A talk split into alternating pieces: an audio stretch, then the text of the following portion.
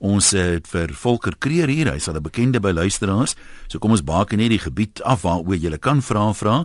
Redelike wye gebied. Ons praat oor dinge soos koopkontrakte van grond en besigheid, testamente, boedelbeplanning, trusts, al daai aspekte van die reg is 'n uh, eh, val onder Volker se spesialisgebied. Nou hier is dit uh, jy ook en ek meen jy en Volker gesels mos nou gereeld hier uh, op RSG. So miskien kan jy so ter aanvang een of twee van die vrae vir hom vra, die meer algemene vrae wat wat kliënte baie keer vir julle vra terwyl ons wag vir oproepe en e-posse en SMS'e. Ja baie dankie Ian. Goeiemôre luisteraars. Altyd lekker om uh, regstreeks ook met u te gesels. Is altyd nog na 22 jaar nog altyd vir my sien die tergend Ian. Daarom bring ek altyd 'n slimmer ou saam. Iemand wat die vraag kan antwoord. Uh Volker, ons het nou gehoor waaroor ons alles gaan gesels, alles en nog wat wat die besigheidswêreld betref en ook boedels en testamente, maar kom ons hak af, skop af eerstens met die feit dat daar 'n testamente week is oor 'n maand of wat, iets waarby jy ook betrokke gaan wees. Dit is net vir die luisteraars om nou al vra om 'n aantekening te maak daarvan. Ja, ek gaan die datum is die 14de tot die 18de September. Die testamente week vind dan plaas wat gereël word deur die Prokureursorde van Suid-Afrika. Nou die idee is om die reg meer toeganklik te maak vir die algemene publiek en meer spesifiek om uh, mense die geleentheid te gee om 'n gratis testament te laat opstel. Net vir dit ek uh, slegs 'n eenvoudige uh, testament wat die die prokureur dan gratis vir jou sal opstel. As daar meer omvattende boedelbeplanning relevant is, dan sal hy vir jou aanduiding gee van die kostes. Uh, so ja, die luisteraars kan gerus hulle prokureur of hulle prokureursfirma kontak om uit te vind of uh, hulle deelneem aan die uh, aan die testamente week of uh, ook Hippogrees orde skakel om uit te vind of uh, watter firmas deelneem. Volker daar's deesdae heelwat uh entrepreneurs wat om te oorleef maar met 'n klein besigheidjie begin en dan wonder mens dikwels oor watter ondernemingsvorm moet 'n mens gebruik vir jou besigheid. Moet ek my eie naam dit maar doen? Moet ons 'n vennootskap aangaan as ek iemand saam het? Moet ons kyk na 'n maatskappy of uh, selfs 'n trust besigheidstrust skep. Wat is die beste? Wat uh, wat is die oorwegings wat hierdie mense in aanmerking moet neem? Ja, ek gaan dit hang maar af van omstandighede. Uh in baie gevalle is my advies aan die kliënte om maar 'n maatskappy te registreer sodat jy 'n afsonderlike regspersoon het waardeur jy daardie besigheid kan bedryf. Vroeger jare kon jy ook 'n nuwe BK gestig het en jou besigheid in die naam van die BK bedryf het maar nadat die nuwe maatskappye wet nou in werking getree het, kan 'n mens natuurlik nie meer nuwe BK's stig nie. Uh, die bestaande BK's kan voortgesit word, maar 'n uh, nuwes kan nie meer geskep word nie. So ja, in die meeste gevalle uh, adviseer ek maar kliënte om te kyk na 'n maatskappy. Voordeel van die afsonderlike regspersoon is dat die uh, betrokke kliënt as algemene reël nie persoonlik aanspreeklik gehou kan word vir die skulde van die maatskappy. Daar's natuurlik uitsondering as die kliënt borg geteken het of hy of as hy die sake van die maatskappy roekeloos bestuur het, dan gaan hy wel uh, persoonlik aanspreeklik gehou kan word, maar as dit nie relevant is nie, dan uh, is hy nie aanspreeklik vir die skulde van die uh, maatskappy nie. So as die besigheid skeefloop, dan is hy persoonlike uh, boedel uh, oor die algemeen veilig. Kan ek net gou 'n vinnige vraagie sommer ingooi daaroor? Pieter sê ehm um, hy wil 'n besigheid koop, maar die besigheid het onder andere bates, hulle het hulle eie perseel waar op die winkel staan en so aan uh dis in die vorm van 'n BK wat dit bedryf word. As hy nou die ledebelang van die huidige lede oorneem, kan hy nie spaar op uh oordragkoste van die perseel in sy naam nie. Ja, vir die uh, verkoping van die besigheid as sulks gaan daar dink ek nie regtig besparings uh te sprake wees as dit die ledebelang van die BK oorneem as daar 'n eiendom te sprake is en dis 'n kommersiële eiendom en die uh, verkoper as sulks is nie vir 'n uh, uh, eh, BTW geregistreer nie, dan kan daar wel 'n uh, besparing uh, relevant wees. Maar ja, my advies aan Pieter sou maar wees om versigtig te wees om die ledebelang van die BK oor te neem. Die uh, probleem is dat jy dan potensieel ook maar die geraamdes in die kas uh, wat dan mag wees van die BK gaan erf. So as daar skuldeisers is wat uh, teen die BK toeslaan, dan gaan jy ook met daai tamaletjie sit. Jy gaan wel 'n uh, potensiële eis het teen die verkoper vir skadevergoeding. Uh, maar dit is nie verweer teen die skuldeisers wat uh, die BK aanspreek. So oor die algemeen is my advies dat dit veiliger is om liewers die besigheid as sulks as 'n skoon bate te koop sodat 'n mens nie later met uh, potensiële skuldeisers van die BK sit nie. Kom sê net weer vir mense wat eh, soos Pieter wil vra, vra Volker Kreur is hier by ons. Hy is 'n kenner op 'n wye gebied van eh, die regkoopkontrakte van grond, besighede onder andere testamente, boedelbeplanning en trusts. En as jy 'n vraag het op daai gebied, dan kan jy vir ons 'n kortliks SMS 3343 teen R1.50 of jy kan dit vir ons per e-pos stuur vanaf RSG se webwerf rsg.co.za. Klik daar op e-pos aan ateljee of jy kan ons bel in die ateljee, die nommer is 089 1104553. Volker jy het nou gepraat van 'n BK, maar miskien belangrik om vir die luisteraars net te sê wat die posisie van 'n BK tans is met gevolg die nuwe maatskappywetgewing. Ja, ek nou soos ek nou nog genoem het, daar kan nie nuwe BKs meer ja. gestig word nie ingevolge die wet, maar die bestaande BKs kan daarom voortgesit word. So baie mense was bekommerd oor die BKs wat hulle tans gebruik, maar dit is nie 'n probleem nie. Dit is net die uh, nuwe BKs wat nie meer uh, geskep kan word nie. As jy op die oomblik 'n BK het wat 'n besigheid of 'n eiendom besit of wat ook al die geval mag wees, is dit nie 'n probleem nie. Jy kan met daardie BK voortgaan. Hier's nog 'n skuis tog. Ek gaan net maar so tussen van die vrae ingooi hier. Uh Philip vra, hy sê hy is basies 'n uh, uh alleen eienaar, hy werk op sy eie, maar hy wil 'n besigheid begin. Hy kan nie meer 'n BK stig nie. Dit is wat hy aangeraai was om te doen 'n paar jaar gelede. Nou stig hy 'n maatskappy, maar kan daar net een een aandeelhouer in die maatskappy wees? Kan hy die enigste aandeelhouer van 'n privaat maatskappy wees of soos wat 'n BK 'n paar lede byvoorbeeld het, moet hy ander aandeelhouers ook hê? Is daar wetsvereistes daaroor vra? Nee, is nie 'n probleem nie. Hy kan die enigste aandeelhouer en ook die enigste direkteur wees van daardie maatskappy. So dit is uh dit is uh, wel moontlik om dit so te struktureer. Volker wat uh, koopkontrakte betref, uh ek is litigasie prokureur en uh, jy sal weet dat ons gedurig in die hof is oor kontrakte wat nie behoorlik voltooi was nie, wat nie behoorlik saamgestel en opgestel was nie. Uh dikwels uh, standaard kontrakte waar klomp terme ingedruk word wat vir 'n sekere situasie voorsiening voor moet maak. So 'n bietjie algemene advies oor die slaggate waarvoor uitgekyk moet word wanneer mense koopkontrak opstel. Ja, ek na al die wesenlike terme van die ooreenkoms moet in die koopkontrak staan. So as hulle enigsins uh, wesenlike terme sou uitlaat, dan sou dit tot die uit, uh, ongeldigheid van daardie kontrak aanleiding uh, kan gee. Uh, Byvoorbeeld uh, uh, onthou ek van 'n hofsaak wat nie te lank terug beslis is waar die partye in die koop in 'n koopkontrak van grond die okupasie huurklousule uh, oopgelos het. Hulle het uh, dit as 'n wesenlike term beskou wat hulle eers later sou invul en uh, daardie versuim het toe inderdaad tot die ongeldigheid van die kontrak aanleiding gegee. So is nogal belangrik om te sorg dat al die wesenlike terme in 'n ooreenkoms voltooi word voordat dit geteken word om uh, seker te maak dat dit uh, geldig en afdwingbare kontrak is. In die verband kan ek dalk ook 'n ander aspek uitwys wat dikwels nog aan die praktyk relevant is en dit is dat uh, partye wysigings aanbring aan die kontrak as hulle dit uh, nou teken. Sê nou maar die koper teken die koopkontrak word vir die verkoper gestuur en voordat die verkoper teken bring hy 'n klein wysiging aan aan een of ander tydperk. Hy verander byvoorbeeld die 30 dae wanneer die kontrak staan na 45 dae. Nou daai verandering uh beteken dat dit eintlik 'n teenbod teenaanbod is wat die verkoper maak wat dan weer deur die koper geteken moet word. Enige kontrak kom uh deur 'n uh, aanbod en 'n aanname van daardie aanbod tot stand. So as daar 'n wysiging uh aangebring word as iemand nou 'n aanbod probeer aanneem, dan is dit eintlik 'n teenaanbod wat daardie party maak. So ja, dis net maar 'n uh, goed waarop 'n mens moet let as uh, koopkontrakte ingevul en geteken word. Kom ons sê net vir mense, ek kan nie in die middel van 'n sin van volkerfoon antwoord nie, so jy moet maar reg hê dat aanhou lui, baie mense bel nou hulle weer op. Maar uh, ons sal baie soveel as moontlik van die deelnemers uitkom maak nie saak of dit nou e-pos of SMS sou is of oproepe nie. Die nommer is 0891104553. In die aard van die saak en die kort tydjie wat ons het is baie van die uh, vrae redelik kripties volker. Hier's 'n dame wat sê ek is 'n geskeide dame, my gewese man weier om my helfte van my pensioengeld te gee help asseblief nou ek sê ek weet nou nie hoe hulle getroud was nie. Sy neem ek aan is geregtig op 'n deel van die pensioen maar hoe afdwingbaar is dit as dit nou nie 'n dispuut is wat dat daai deel jou wel toekom nie? Hoe ja, maak 'n mens met af te dwing? Wat gebeur Ian is dat by 'n egskeiding binne gemeenskap van goed dan is die vrou natuurlik geregtig die gade op die 50% van die gemeenskaplike boedel waarby ingesluit is die pensioen Selfde geld ook by aanwas. Dis uh, pen daar word gekyk na die waarde van die pensioen wat aangewas het.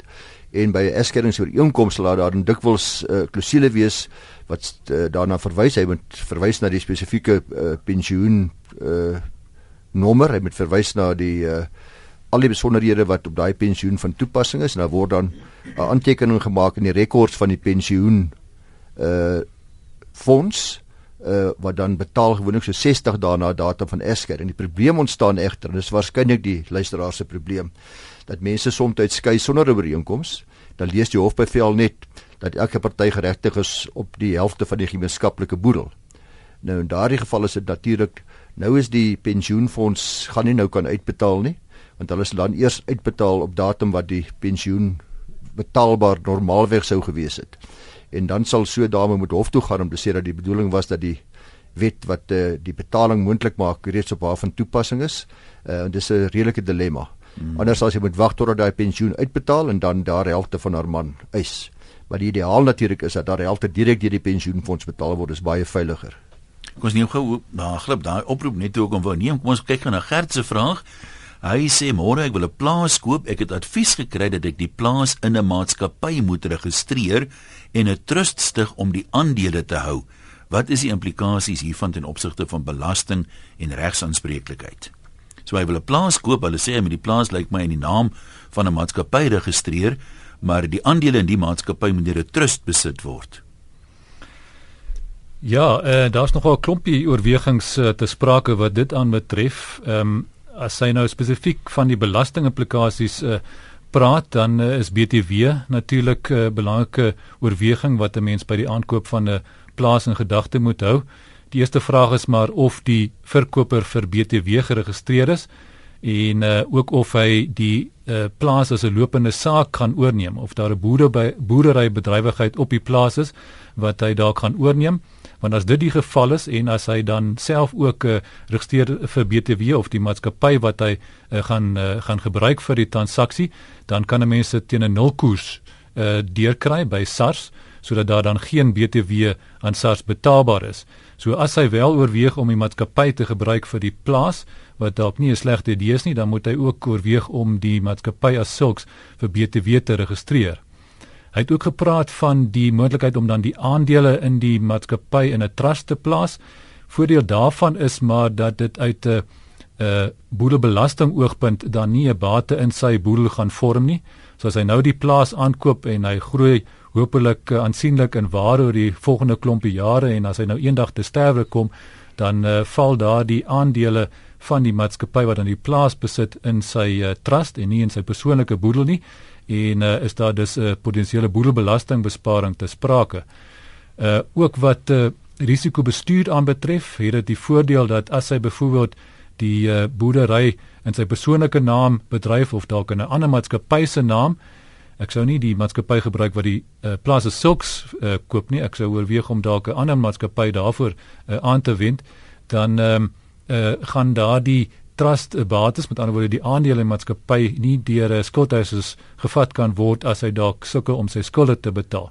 So ehm um, ja, ek dink dit is nogal 'n uh, 'n uh, struktuur wat hy uh, uh, definitief kan oorweeg om met ander woorde die plaas in die maatskappy se naam te koop en dan die aandele in die trust te plaas. Maar mens moet natuurlik mooi kyk na al die omstandighede. So ek sou voorstel dat uh, Gert tog maar liewer behoorlike advies by prokureur inwin sodat hy na aanleiding van sy spesifieke omstandighede die regte besluit kan neem. Kom ons neem gou 'n oproep. Hallo regsaak op RSG. Goeiemiddag, is dit een? Dis reg ja. Ai, o, jy's 'n wonderlike persoon. Jou stem, jy lag so lekker. Luister, ek het 'n vraag. Dit is hoor. Sit jou dogter gesien nie, Jan, dis die probleem. Ekskuus, ek lag nou, maar kom kom ons hoor wat is jou vraag? Ja. ja. Laat ek net gou vir ek wil vir Ignas iets vra. Ek is 'n moeder, ek is 'n ma en my seun is getroud. Nou hy 20% van sy pensioen in sy pensioen van my is getroud in gemeenskap van goedere. Kan sy vrou dit kontes as hy nie meer daar is nie. Hoe werk dit? Sê net weer vir my, jy sê, jy sê hy 20% van sy pensioen wat? Op my naam. Ek is sy ma. Ja, ek ek ek, ek sal ek gaan maar luister by die foon. En en en en en en hy maar hy is getroud in gemeenskap van goedere, né? Ja. So jy wil nou weet met ander ja. woorde die, is die word die res nou gelyk opgedeel of ja, kry hy nou net 30% en die vrou kan 50 vra byvoorbeeld? Ja. Die ja. die die Goed, ons hoor wat sê ek nou baie dankie hoor vir die mooi woorde ook, mooi bly.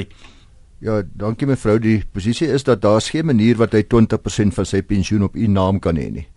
Die pensioenfonds is 'n uh, eh, sekere reëls en daarvolgens sal die pensioen uitbetaal word aan die begunstigdes binne die diskresie van die pensioenfonds. By 'n egskeiding wel het die wetgewing verander om te sê dat 50% kan uit daardie fonds uit, uit die pensioen dadelik oorbetaal word uh, aan die uh, begunstig aan die langslewende gade, ekskuus, ja, die langslewende gade of die geskeide gade dan. Uh en waar hulle getroud is binne gemeenskap van goed as ek bevrees as hy vir die sê dat daar's 20% van die pensioen op u naam, dan is daar iewers 'n misverstand. Dis dalk die gedagte dat hy graag sou wou hê dat hulle u as 'n begunstigde as 'n onderhouds uh, iemand beskou wat onderhoudsgeregtig is. Dit sal by afsterwe wel so wees dat die pensioenfonds aan 'n diskresie het om u ook te beskou as iemand wat van hom afhanklik was. En dan sal die pensioenfonds binne hulle diskresie besluit watter watter persentasie aan watter 'n persoon moet gaan wat die maandelikse paemente ook betref. So nou nog 'n oproep, hier is net 'n vraag wat ek dink nogal relevant kan wees vir mense. Iemand wil 'n huis koop op 'n geregtelike veiling, nou vra hy wat van uitstaande munisipale gelde as jy dit op 'n veiling koop. Ja, uh, artikel 118 uh eh, subartikel 2 van uh, die wet op munisipale stelsels is hierso uh, relevant. Daardie artikel bepaal dat die munisipaliteit met enige oordrag met sy uitklaringssyfers net vir 'n tydperk van tot 2 jaar die agterstallige bedrag kan vorder. Nou my ondervinding is dat die munisipaliteite gewoonlik probeer om die volle uitstaande bedrag te verhaal van die koper wat nou in die geval van eksekusie veiling aanspreeklik gaan wees vir daardie uitklaringssyfers.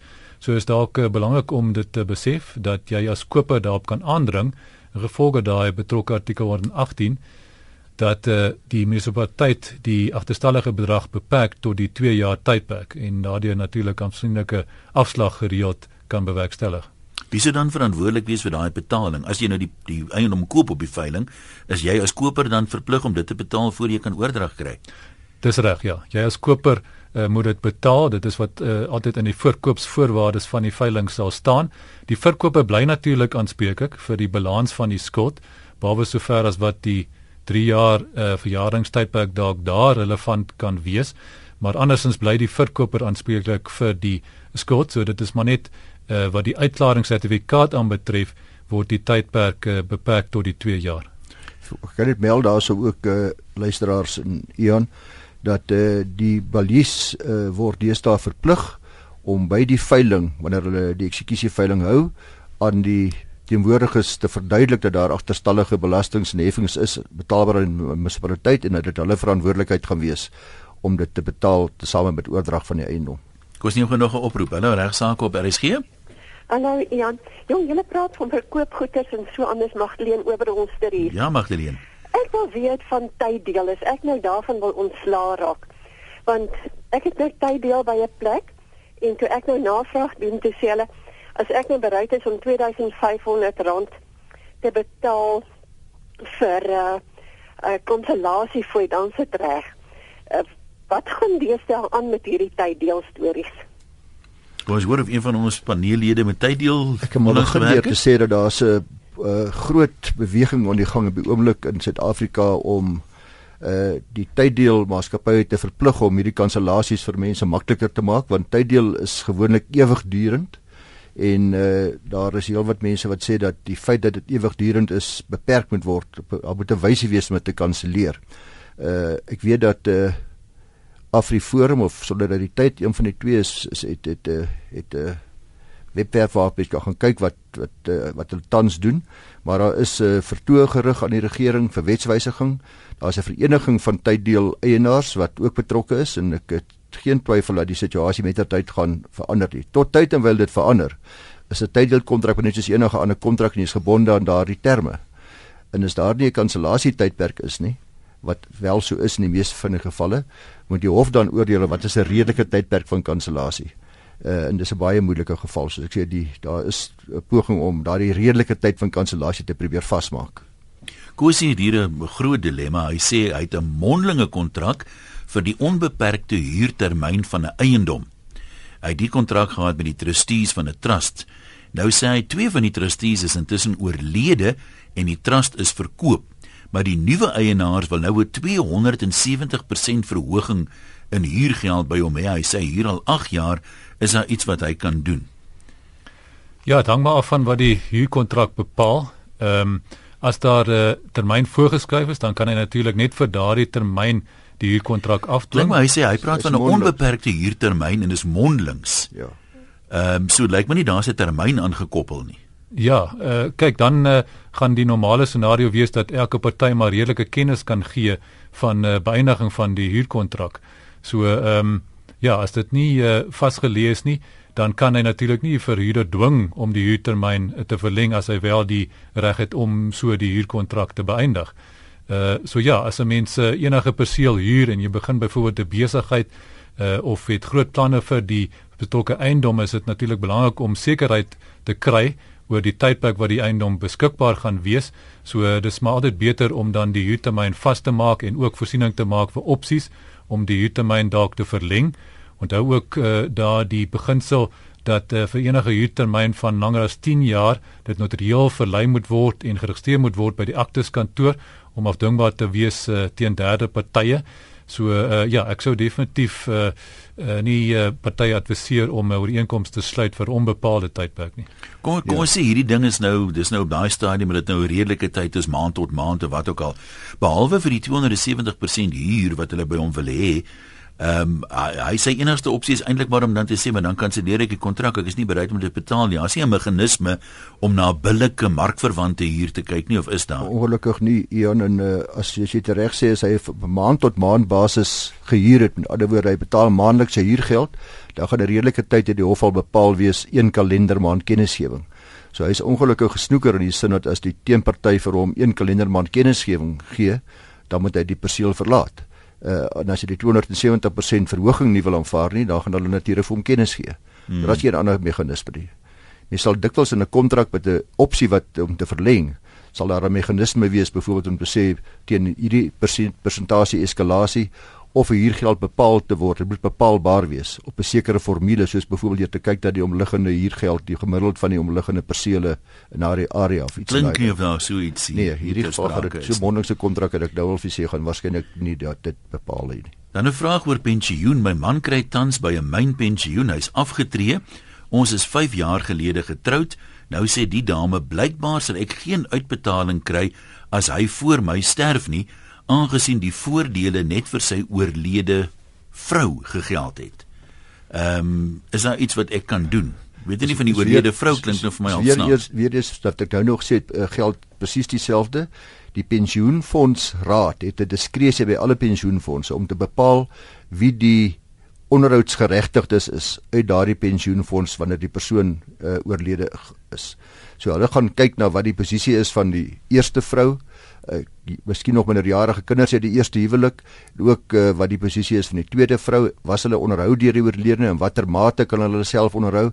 Al daardie faktore gaan 'n rol speel om te bepaal watter persentasie van die pensioen dan na die verskillende begunstigdes toe gaan.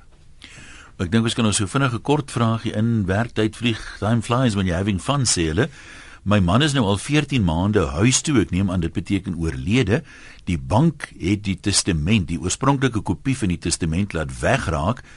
Dis nou hofsaake sê die dame want ek het net 'n afskrif gehad. Uh wat moet sy nou doen? Sy sê die eksekutrise word net sê net vir my ek moet wag. Nou, ek weet nie presies wat dit beteken nie, maar as die oorspronklike kopie is, die- sê nou die bank was 'n eksekuteurs van die van die van die boedel, hulle laat raak die oorspronklike weg wat by hulle in bewaring was. Wat is die situasie dan? Ja, ja, dan moet 'n mens 'n hofaansoek bring om uh, die uh, afskrif van die testament te laat aanvaar as die laaste geldige testament van die oorledene. So dat daar nie enige getuienis is dat hy die bedoeling gehad het om die testament te roep nie, uh, dan uh, sal die hof normaalweg enige getuienis aanvaar dat dit die afskrif is wat die mense gekry het en uh, dat daar 'n uh, verduideliking is vir hoekom die oorspronklike testament verlore is. So ongelukkig veroorsaak dit inderdaad dan 'n vertraging aangesien dit eers deur die hof goedgekeur word word as sulks voordat die meester dan die testament of die afskrif van die testament kan aanvaar en die boedel daarvolgens bereder kan word. Wie sou aanspreeklik wees vir daai hofkoste, die die bank as eksekuteur wat die oorspronklike kopie verloor het of gaan dit uit die boedel verhaal word daai koste as deel van die boedelberedderingskoste? Wel as 'n mens uh, die hof kan oortuig dat die bank uh, uh dat die bank se skuld is dat die testament verlore is, dan kan 'n mens dalk vir die hof uh, vir 'n bevel vra dat hulle die kostes moet betaal. Maar oor die algemeen sal dit andersins maar die boedel wees wat daarvoor moet instaan. Ek dink dis alwaar ons vandag gaan tyd hê ons moet nog terugskakel Kaap toe gou.